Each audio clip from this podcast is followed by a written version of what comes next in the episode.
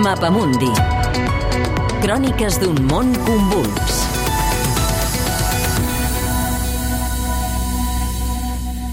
Buscant les arrels de la radicalització. El 17 d'agost de 2017, uns joves de Ripoll van protagonitzar un atemptat jihadista a Barcelona i Cambrils. De pares marroquins, eren catalans de segona generació, a priori ben integrats, però el seu procés de radicalització va fer sorgir algunes preguntes. Alguns d'aquests dubtes estan en l'origen d'un projecte de recerca que lidera l'IEMET sobre què empeny els joves cap a l'extremisme violent. Hi prendran part 14 entitats que investigaran les realitats de la riba sud del Mediterrani, el Pròxim Orient i els Balcans. Es farà a través d'entrevistes, enquestes, reunions de grup, seminaris, fòrums i taules rodones. En tot cas, es busca defugir les idees preconcebudes, els estereotips i passar les culpes a la religió. La directora de la Fundació Jasmine per la Recerca i la Comunicació, la tunisiana Tasnim Chirchi, destaca que sota la religió hi ha frustració, patiment i sentiments d'injustícia. Per això conclou.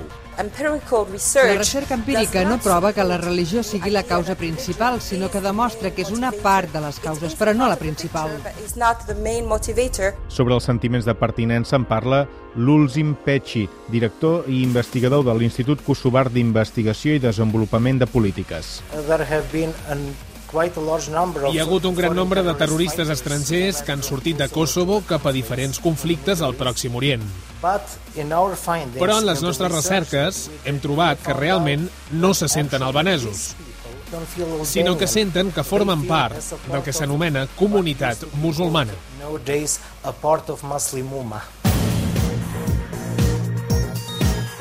Quin paper juguen els mitjans de comunicació i les xarxes socials per difondre i captar nous terroristes? La digitalització, però també la religió, la privació econòmica, les desigualtats territorials, les dinàmiques transnacionals, les demandes sociopolítiques i les oportunitats educatives, culturals i de lleure són els set factors que cal analitzar i s'estudiaran des de tres eixos, transnacional, comunitari i individual.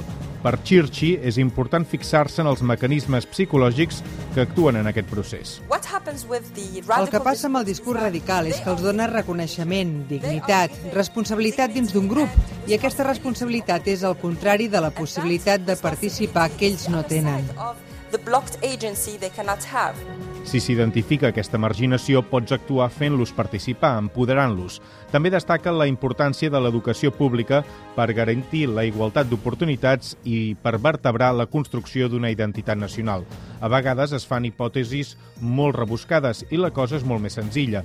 Lourdes Vidal, coordinadora científica del projecte, explicava el cas d'un poble a Bèlgica amb joves refugiats sirians que quan sortien de l'escola s'avorrien. En arribar el moment, gairebé tots van marxar a la guerra. Al poble del costat, l'alcalde va crear un centre juvenil i ningú va marxar a Síria. Admet que pot semblar superficial, però les solucions imaginatives poden ser les bones.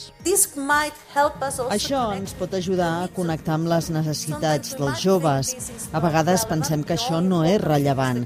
Només és important el currículum escolar. Però altres sentiments vitals també són importants.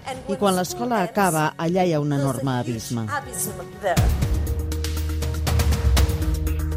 L'objectiu de la investigació, finançada per Brussel·les, és recomanar eines i mesures de prevenció de l'extremisme violent, una prevenció enfocada a l'àmbit social i no de la seguretat, perquè aquesta visió, sovint la preferida per les autoritats, no resol el problema de fons, com explica Marco Pinfari, professor de Relacions Internacionals de la Universitat Americana del Caire.